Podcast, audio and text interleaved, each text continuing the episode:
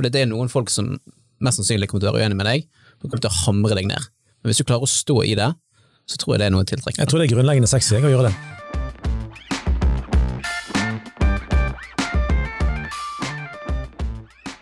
Det er noe med at eh, hvis du skal dra andre opp, så må du sjøl òg være på et høyt sted.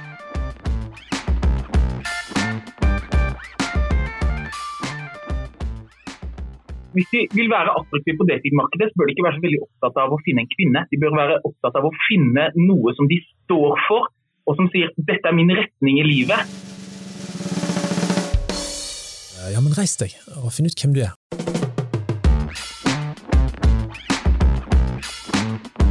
Du hører Mannspodden, jakten på mannsidentitet. Bli med Andreas Skjelde og Einar Helgaas på din vei mot autentisk maskulinitet.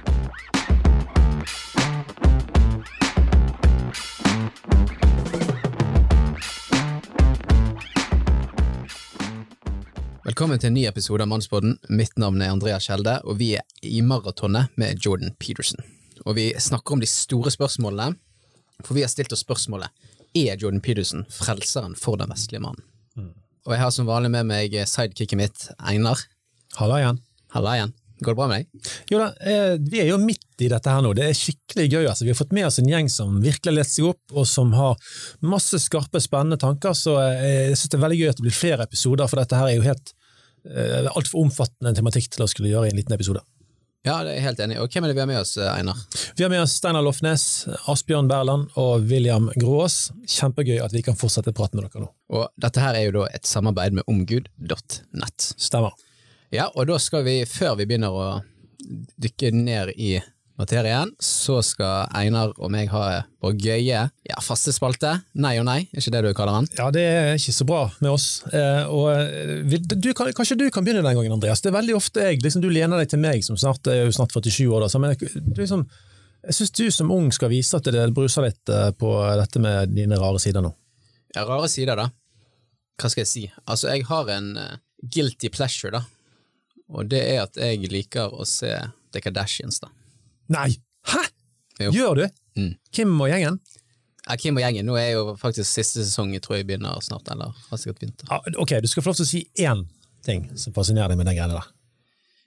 Nei, altså, jeg klarer bare å slappe av, da. Det er liksom kaoset, da, så jeg bare nyter. Er ikke det mye fine damer og sånt? Er ikke det Eh, Jo, det er jo, er jo en faktor der inne, men vi trenger ikke gå dypere. Ja, vi skal gå raskt, eh, vi går raskt videre. Så da er det min tur. Du, ehm, jeg eh, kan offentlig erklære, det er faktisk første gang jeg sier det offentlig, jeg hater Times New Roman. Den skriftstypen som er fast på alle PC-er. Jeg har alltid hatet den. Så jeg, eh, jeg blir frustrert når jeg ser den, og gjør den med en gang om til trebuchet eller en annen font. Men jeg er en stakkars eh, kunstnersjel. Okay. Det skjønte sikkert ikke du som kommer fra NHH. De bruker sikkert Times New Roman hele gjengen, ja, Vi bruker det på alt, det var veldig sært. og tror det er fint. Ja. Skjønner ingenting. Nei, men Men Einar, du har jo en sånn quiz der du quizer på vårt, så da overlater jeg ordet til deg igjen. Ja, eh, Det var jo litt gøy forrige gang, for der, der, der var dere litt ute på tynn is. Det, det, det, det, det er helt klart proclivity, som da betydde tilbøyelighet. Men nå er det altså um, Hvem var det jeg ikke har spurt nå? Eh, Er det Steinar som får første sjanse nå? Ja, det stemmer. Han eh, ser ikke så veldig glad ut for det. Conscientiousness. Jeg vet ikke om jeg sier det rett engang. Conscientiousness. Ja, det er jo, kommer jo fra Jordan Peterson snakker jo om the big five hele tiden, som er jo den personlighetstest personlighets si, test eller modell. Den eneste som da er sterkt bekreftet av psykologien og vitenskap, sånn som jeg har forstått det. Så conscientious, conscientiousness er jo da en av disse her hovedtingene da, du kan være lav eller høy på. Ja. Um, så nå skal jeg prøve å beskrive hva conscientiousness er for noen ting, da, men jeg, Det er ett ord, altså. det er et ord. Trenger På norsk så oversettes det til planmessighet. Planmessighet, Det er det ordet som brukes i eh, norsk, norsk eh, fag. eh, Jeg, jeg ville tenkt på en måte evne til å lage system, kanskje. Er kanskje det måten jeg hadde beskrevet det på. ansvarsbevissthet. Takk. Altså, du får ti poeng, Asbjørn. Oi! De andre får, Steinar får fem, William får åtte, du får ti. Feila så bra altså feil sist gang. Så. Nei, det, Der fikk du reist kjerringa, altså, merkelig nok, med Alemangen. Ansvarsbevissthet. Nydelig! Andreas Yes. Go! Ingenting er bedre, og jeg tenker denne episoden så har jeg lyst til å starte med et sitat fra Jordan Peterson, og det er følger. You should be a monster, and then you should learn how to control it. Hva tenker dere? En av tingene med Peterson er jo at altså, han er jo kjent for å, altså, den regelen om at du skal på en måte stå oppreist, og så skal du eh, ta brystet fram, skuldrene bak, og så skal du eh, måtte erobre verden. da. Eh, du skal eh, gå opp på rangstigen, du skal eh, på mange måter eh, stige i eh, hierarkiet, det sosiale hierarkiet som vi befinner oss i. Han trekker paralleller til, til evolusjon der, og, og snakker sånn om, om oss mennesker òg, da. Og det er klart, tar du det litt sånn eh, på spissen, eller tar du det bare helt isolert, det han sier der, så kan det fort bli litt eh, ensidig. Eh, og Pedersen sier jo ikke bare det, han sier mer, mer enn det òg. Men eh, faren med det, hvis han bare snakker på en sånn måte, eller bare hører han snakker på en sånn måte, og, og bare ønsker litt til det, er at en tenker fort eh, om oss mennesker at målet er bare å stige opp og fram. Det er meg og mitt. Eh, det blir ikke så mye reell kjærlighet der, men det blir egentlig litt sånn egotripp ut av det. Men da tolker en jo Peterson veldig isolert, hvis en bare gjør det, men det er faren i hvert fall. Ja, jeg, jeg vil jo nyansere at det er det han sier. Eh, Jeg er enig i det at eh, han snakker om eh, det indre monsteret og temme det, og han, han snakker om dette med å reise seg opp.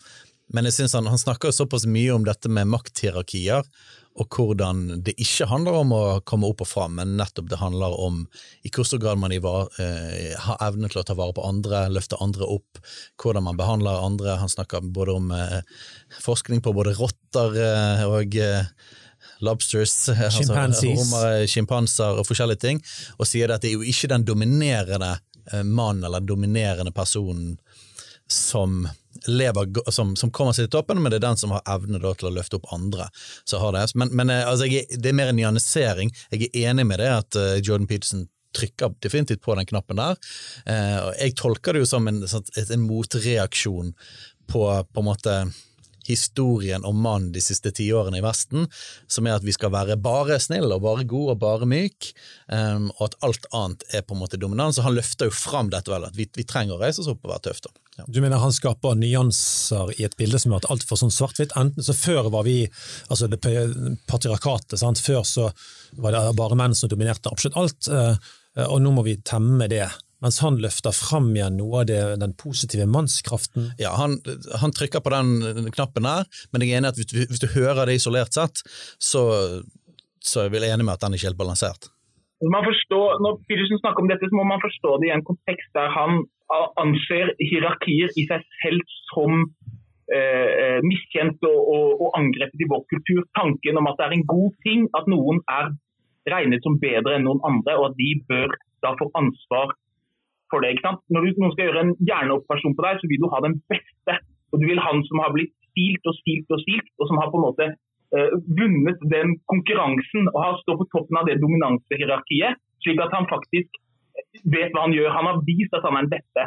Og Petersen mener da eh, at, at denne ideen om at hierarkiet og, og kompetansehierarki er et gode, kan stå under press i vår kultur, og at det er et problem.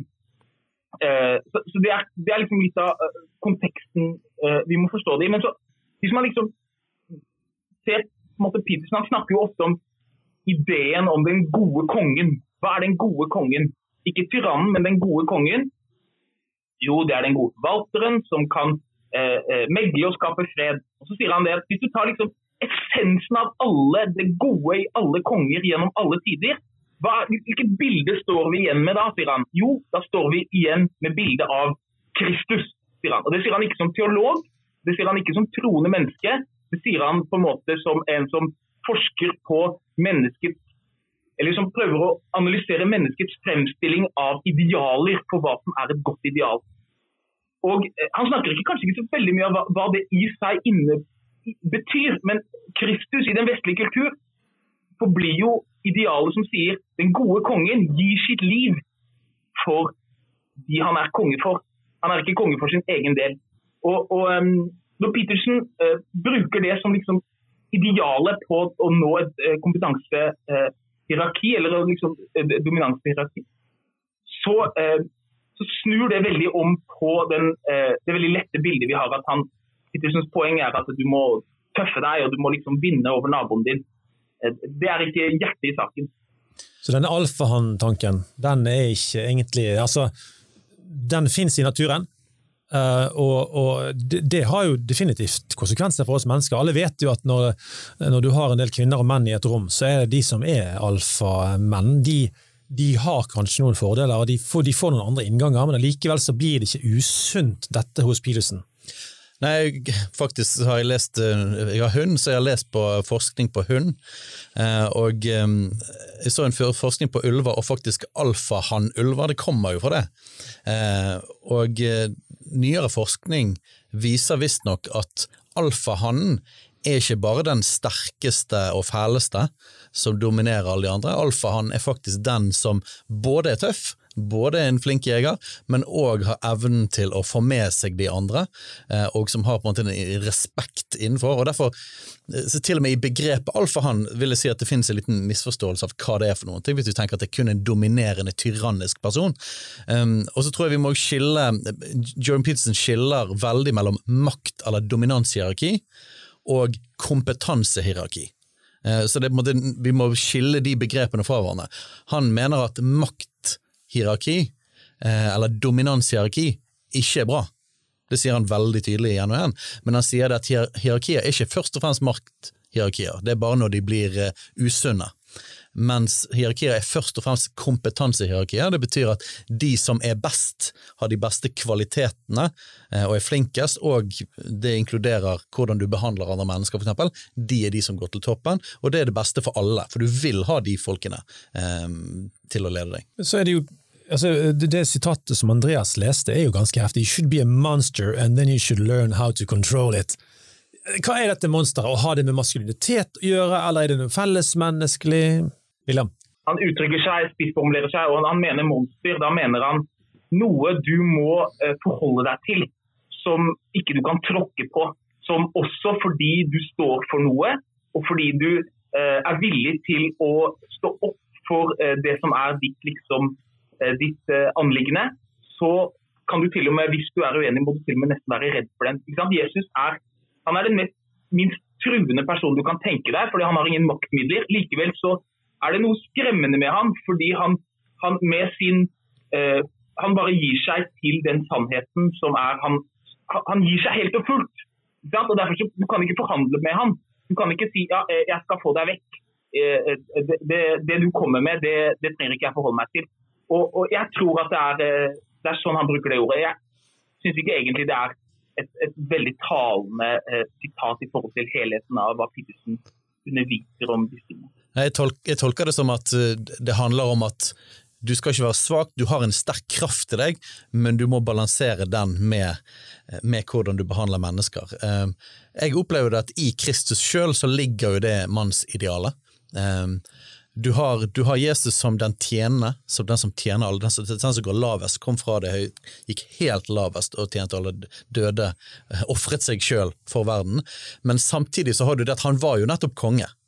Eh, han er Gud, han var en del av skapet, han kom fra himmelen og valgte å gå til jorden. Eh, når han vasket disiplenes føtter, så sa han sant? Eh, William sa det i sted her, vi snakket, at han sa det at dere kaller meg herre, og det med rette, men så viser han da forbildet at som en leder, som en herre, så vasker han føttene. Og I, i Johannes' åpenbaring så ser du Jesus som Guds lam, men du ser òg han som den herliggjorte, mektige Gud. Eh, så, så, i Jesus så har du denne her dualiteten av mektig, kraftig, nesten kan du si farlig, mm. men òg tjenende kjærlig. Ville du sagt at det var et godt forbilde? Jeg syns det er et godt forbilde. ja. Stilig. Du, altså, jeg, jeg, jeg, forhold til dette, denne monstergreien vi prøver å finne ut av litt her, eh, litt min måte å kunne si dette på ut fra disse mannsseminarene jeg jobber med, kanskje det kan handle om å ha kontakt med din iboende intrinsic, ikke sant? Din iboende mannskraft, for så å kanalisere den til det beste for deg sjøl og verden. Og hvis ikke du gjør det, så vil du kanskje slite med, slite med å bli en voksen, ansvarlig, selvbevisst mann. For da er du bra for deg sjøl, pluss at du er bra for verden rundt deg. Hva tenker dere om det? Ja, jeg tenker jo at uh, motivasjonen her er jo kjempeviktig òg. Altså, hvis du har den som du er inne på, egentlig den kjærligheten, sant? Altså, det, det, er bra for både deg og de rundt deg, så er det jo en kjempegod motivasjon uh, for for alt du holder på med i livet. da. At du ønsker å være til det beste, ikke bare for deg sjøl, men for, for andre òg. Dag Furuholmen, som jeg har hatt besøk av i studio, han snakket om det at eh, eller det gjorde han forresten på en, en sånn eh, reklamevideo. Han sa det at veldig mange menn blir helt flate. Altså, de, de, de, de bidrar ikke for seg sjøl, og de bidrar ikke for kvinnen, og kvinnen vil jo gjerne ikke ha disse flate mennene. Altså, beklager, men det, det er dessverre realitet at kvinner er, er, er kritiske. Uh, uh, også det med å reise seg på vegne av seg sjøl, sånn at du kan reise deg på vegne av andre, det er, jeg tror det egentlig er ganske gjennomtrekt av sunnhet, dette her. Det er noe med at uh, hvis du skal dra andre opp, så må du sjøl òg være på et høyt sted. Uh, og jeg tror det at posisjon handler om muligheten, innflytelsen, til å dra folk opp uh, og, og, hjelpe folk med det. Hvis du bare sier at jeg er elendig, har ingenting, så vil du heller ikke ha noe positiv innflytelse på noen. Så jeg tror det er den dualiteten han snakker om i forhold til dette med monster. Og tidligere, jeg vet eh, Her i Mannsbåten har dere jo snakket om dating. Og jeg liksom tenker sånn at menn bør ikke være opptatt, Hvis de vil være attraktive på datingmarkedet, så bør de ikke være så veldig opptatt av å finne en kvinne. De bør være opptatt av å finne noe som de står for, og som sier 'dette er min retning i livet'. Sånn at når en kvinne møter eh, den mannen som sier 'denne mannen han lar seg ikke eh, Han er kanskje ikke noe liksom har store muskler eller er noe eh, spesielt egentlig, men han har forplikta seg på noe. Han står for noe han er, han er, på en måte fast, slik at jeg kan, jeg kan, si dette er en retning som jeg har lyst til å gå sammen med han i.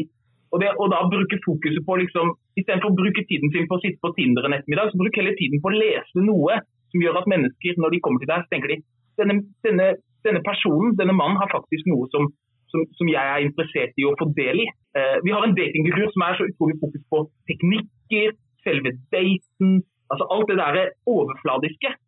Men, men, eh, men eh, når Pittersen snakker om å, liksom, eh, om å være en, en, ikke være liksom den mannen som lar seg tråkke på, så handler det om å være en mann som kvinner sier her er det noe som kan bidra i vår familie og i, i mitt fremtidige liv.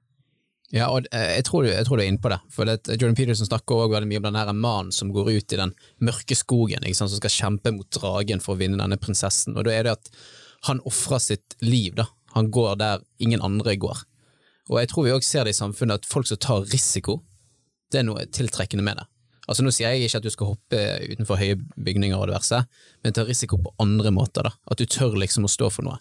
For det er noen folk som mest sannsynlig kommer til å være uenig med deg, og kommer til å hamre deg ned.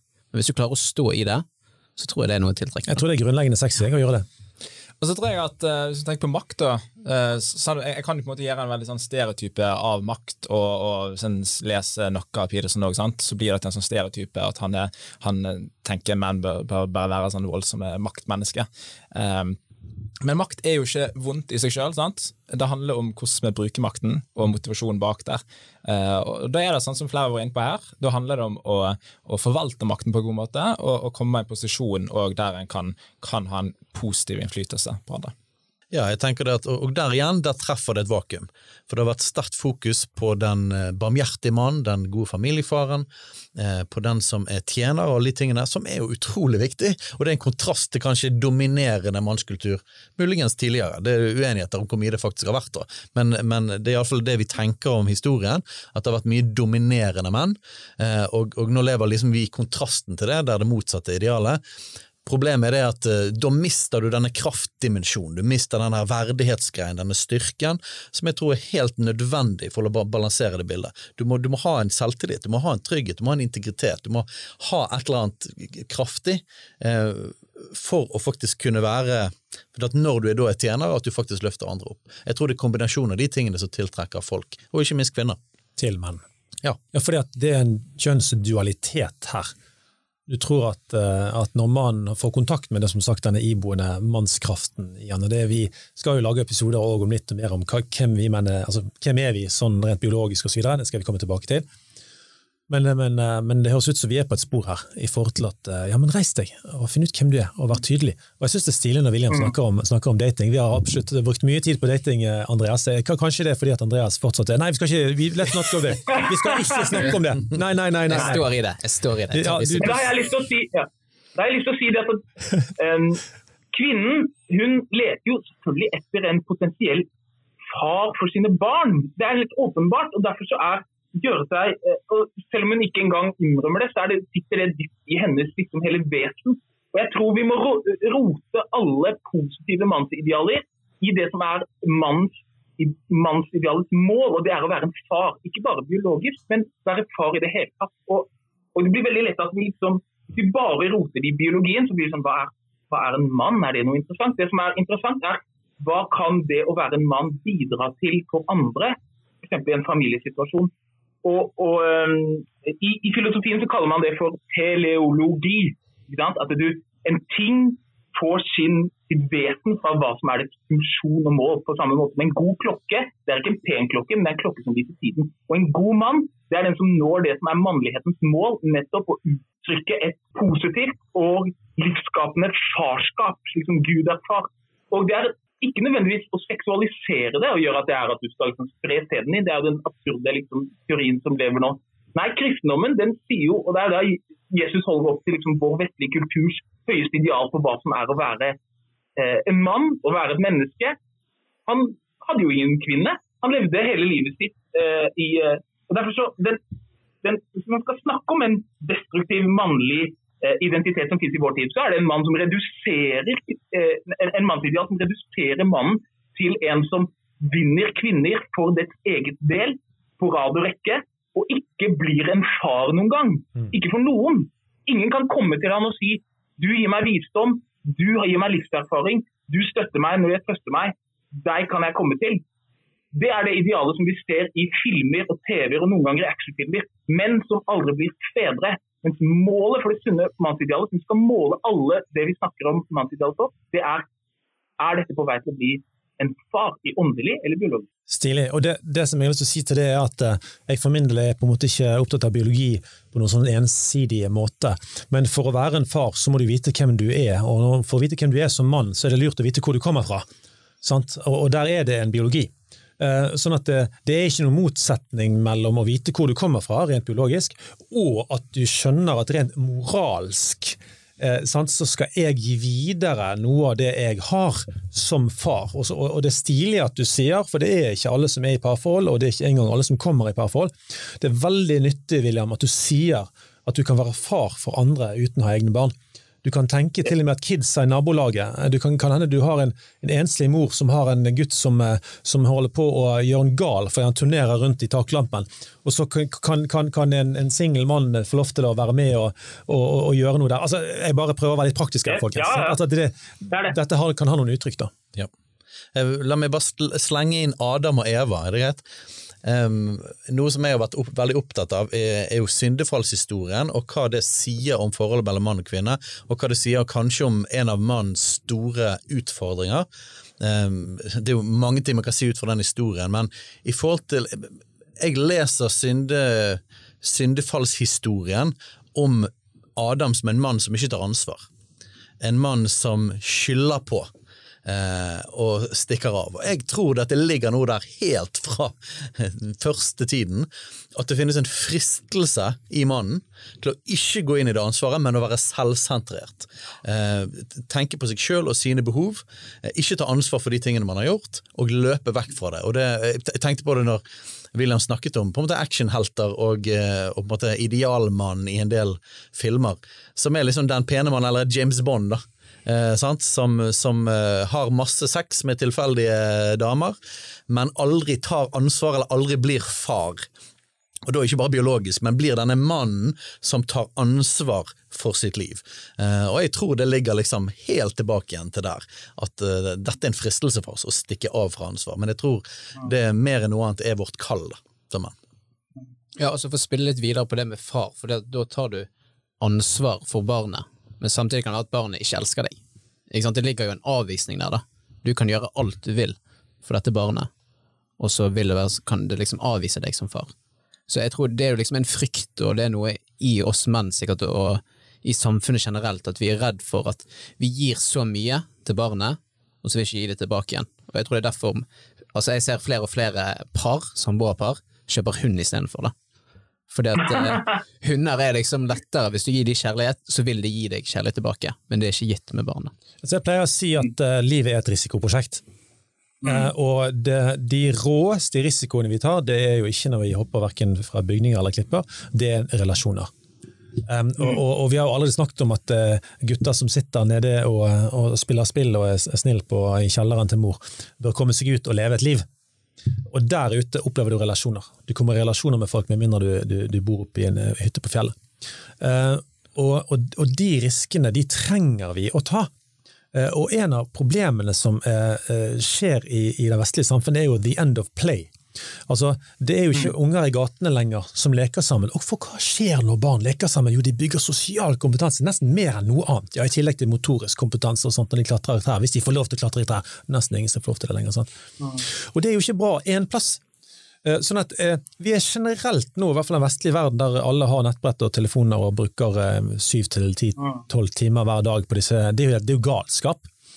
Eh, så får du ikke sosial trening. Eh, og, og, mm. en far som møter et barn, og som er redd for om det vil elske han tilbake igjen.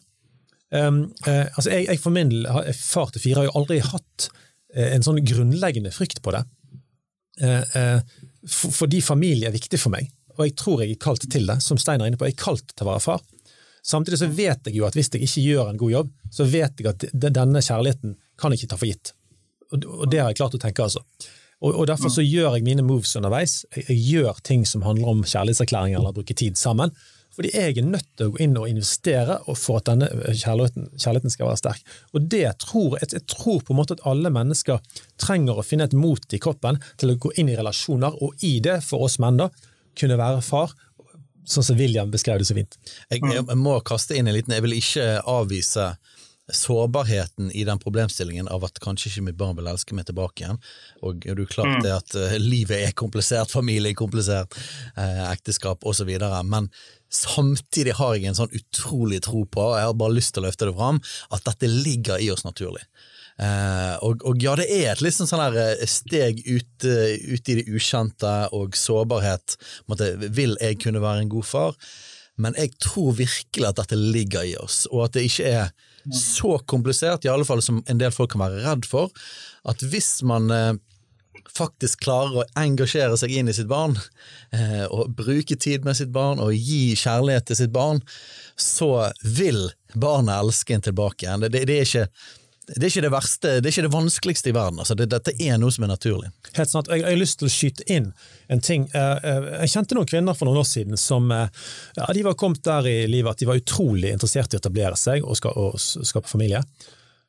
Begge to date, var i datingsituasjon med to menn, og ting så egentlig veldig bra ut. Men begge de mennene de bare trakk seg. Og Det de satt igjen med som forklaringsmodell, var at de trodde ikke de ville kunne klare ansvaret med å være far å være en mann. Og det syns jeg er veldig trist. Uh, og derfor, altså, derfor, trenger vi å bygge sterke familier i dette landet. Vi trenger sterke familier i Norge, for da bygger vi òg barn som har tro på at de kan i, i, i, sitt liv gi videre noe. Til ektemake, til barn. Men jeg kjente i hvert fall den gangen dette her er en del år siden nå, at det ble litt sånn småfrustrert og sint. Heierne, hvorfor sto de ikke i det løpet? Hei gutta, kom igjen da! Du kan ikke sikre deg, du kan ikke sikre deg, men du, du, vet at hvis du jobber med din karakter, som er en gjennomgående tematikk her når vi snakker om Jordan Peterson, hvis du jobber med din karakter, du feier din dør, du jobber med din karakter. Når du da går inn i relasjoner, med mindre du er en sånn elendig egoist altså, som er bare ute etter din egen lykke, da selvfølgelig kan alt falle. Men hvis du jobber skikkelig med din karakter og vil være god eh, eh, i møte med de du er sammen med, så, så tror jeg det kan gå veldig bra. altså. Det som også er litt skummelt, det er jo at uh, folk ser på oss, uh, og folk uh, etterfølger oss. Sånn at viser du den, altså det motet, viser du at du tar ansvar, du kjemper for deg sjøl om du ikke vet helt hva du går inn i, så vil andre, enten det er biologiske barn eller andre, de vil etterligne atferden din òg. Men viser du heller en passiv holdning som mann, så vil flere andre òg lettere bli passive. Så viktig av den grunn. Jeg vil bare helt kort uh, bli uh, litt personlig i forhold til dette med farskap. For jeg, jeg og min kone vi var gift i åtte år, og vi, vi fikk ingen barn. Nå går jo, uh, er det jo vanskeligere å få barn nå, visstnok, for folk som lever i vår tid enn i tidligere tid. Hva som er grunnen til det, vet kanskje ikke legene. Men, men, da kan man få en sånn identitetskrise. Hvem er jeg?